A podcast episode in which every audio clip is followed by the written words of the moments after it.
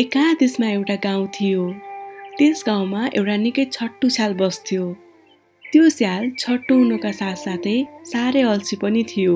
सिकारको लागि जङ्गल पस्नुको साटो ऊ गाउँ पस्थ्यो अनि चिलायो चिलायो भनेर कराउँथ्यो।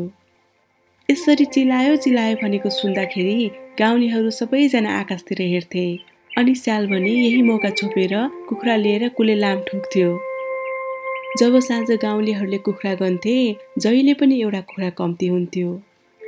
यो देखेर गाउँलेहरू हैरान भए अनि उनीहरूले सल्लाह गरे यस्तो पाराले भएन। हामी जहिले पनि चिलायो चिलायो भन्ने बित्तिकै आकाशतिर हेर्छौँ तर तल भने कसैले हाम्रो कुखुरा चोरेर भाग्छ। अब हामीले यसलाई पक्राउनु पर्छ। त्यही भएर चिलायो चिलायो भन्ने बित्तिकै आकाशतिर हेर्नुको साटो जमिनमा हेर्दा फाइदा होला। गाउँलेहरू यति सल्लाह गरेर आफ्नो घर गए। एकचोटि पल्केको मिल्के घरिघरि झिल्के भन्ने उखान त छँदैछ। अर्को दिन पनि स्याललाई के चित्त बुझ्थ्यो र चिलायो चिलायो भनेर सधैँ जस्तो कराउन थाल्यो। तर यो पटक भने गाउँलेहरू उसलाई समात्नलाई सफल भए। त्यसपछि गाउँलेहरूले स्याललाई एउटा डोरीले बाँधेर ढुङ्गै ढुङ्गा भएको बाटोबाट घिसार्दै लग्यो। स्याल पनि ढुङ्गाको बाटोबाट लैजाँदा आहा कस्तो सन्चो भयो भन्दो रहेछ। चौरको बाटोबाट लैजाँदा चाहिँ मरे अया आथा भन्दो रहेछ। यस्ता पाजीलाई शास्ति दिनै पर्छ भनेर गाउँलेहरूले उनलाई चौरको बाटोबाट घिसार्दै घिसार्दै मूल बाटोको रुखमुनि पुऱ्याए। र त्यहाँ लगेर एउटा रुखको फेदीमा यो स्याल चोर हो यसलाई बाटोमा हिँड्ने प्रत्येक व्यक्तिले एक एक मुक्का हान्नु भनेर लेखेर सबैजना घर फर्किए। त्यो बाटोमा जो पनि आउँथ्यो सबैजनाले त्यो पढ्दो रहेछन्। अनि त्यो चोर स्यालमाथि सबैले मुका बर्साउँदा रहेछन्। यस्तो हुँदा हुँदा त स्याल कुखुरा खाएर जति मोटाएको थियो मुड्कीले त्योभन्दा दोब्बर मोटाएछ। त्यही बेलामा एउटा भालु त्यहाँ आइपुग्यो। भालुलाई देख्न साथ स्यालले चाचाहुँ चाचाहुँ गरेर कराउन थाल्यो। एकछिन त भालु छक्क परेर हेरिरह्यो। अनि उसलाई पनि पिङ खेल्न साह्रै इच्छा लाग्यो। र उसले भन्यो स्याल्दै स्याल्दै मलाई पनि एकछिन पिङ खेल्न देऊ न। अनि स्यालले जवाफ दिन्छ के भन्छ यो? यति दुःख गरेर खेल्न पाएको छु दिन्छु होला तँलाई। जा हुँदैन। त्यसपछि फेरि भालुले भन्छ यसो नभन न दाई एकछिन मात्रै हो के? अनि स्यालले भन्छ ल भइगयो त भइगयो यो डोरी फुकाइदे अनि त्यसपछि एकछिन खेल्लास्। भालुले पनि खुसी हुँदै हुन्छ त भनी स्यालको डोरी खोलिदिन्छ। त्यसपछि स्यालले भालुलाई डोरीले कसेर बाँधेर अब पानी खाएर आउँछु तिमी खेल्दै गर है भनेर बाटो तताउँछ। घाँटीमा सुर्कानो गाँठो बनाएको भालु धेरै बेरसम्म कहाँ बाँच्न सक्थ्यो र? केही बेरपछि किलकिल गर्दै भालु त्यहीँ मर्यो। त्यहाँबाट हिँडे पनि स्यालले पहिलेको गाउँ जाने हिम्मत भने गर्न सकेन। र ऊ बसाइ सरेर नयाँ गाउँतिर जाने विचार गर्यो।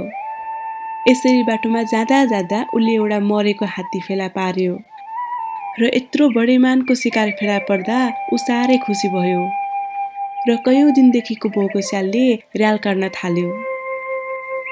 पानी बेसरी परेको हुनाले हात्तीको मलद्वार पनि खुलेको थियो। त्यहाँबाट स्याल सजिलै हात्तीको पेटभित्र पसेर मुटु कलेजो लुच्न थाल्यो।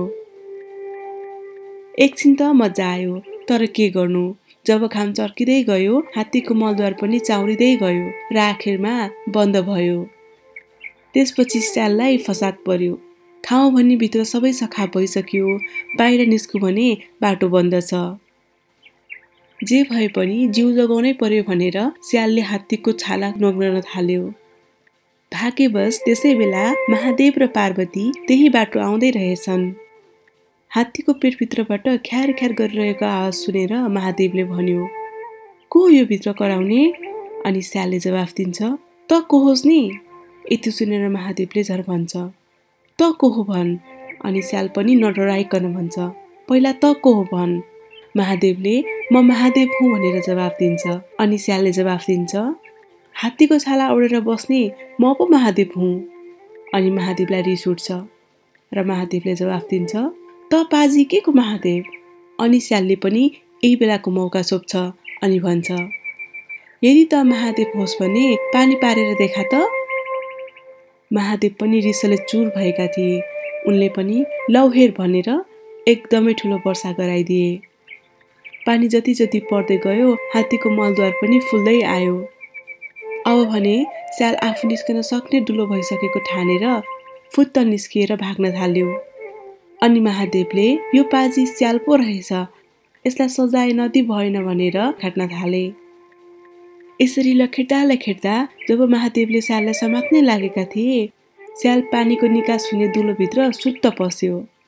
महादेवले पनि छट्टपट्ट पालभित्र हात हाल्दा उसको खुट्टा फेला पारेछन्। अब पर्यो वित्यास अनि त्यो बाटो स्यालले पनि कराउन थाल्यो।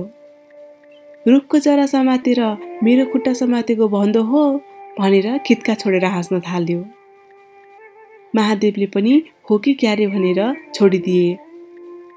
स्याल फेरि त्यहाँबाट सुइकुच्चा ठोक्यो। महादेव झन् रिसले रातो पिरो भए। अब यस्तो तरिकाले भएन भनेर महादेवले एउटा लिसोको बालक बनाए अनि उसको दुवै हातमा लड्डु राखिदिए। एक दिन घुम्दै फिर्दै त्यो स्याल त्यही ठाउँमा आइपुगेछ।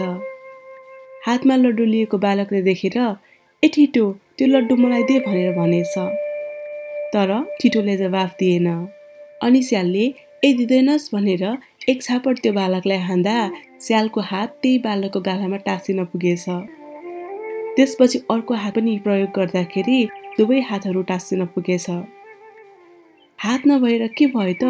लाग्छ नि भनेर खुट्टाले हान्दा उसको दुवै हात खुट्टाहरू त्यस बालकमा टाँसिन पुग्यो।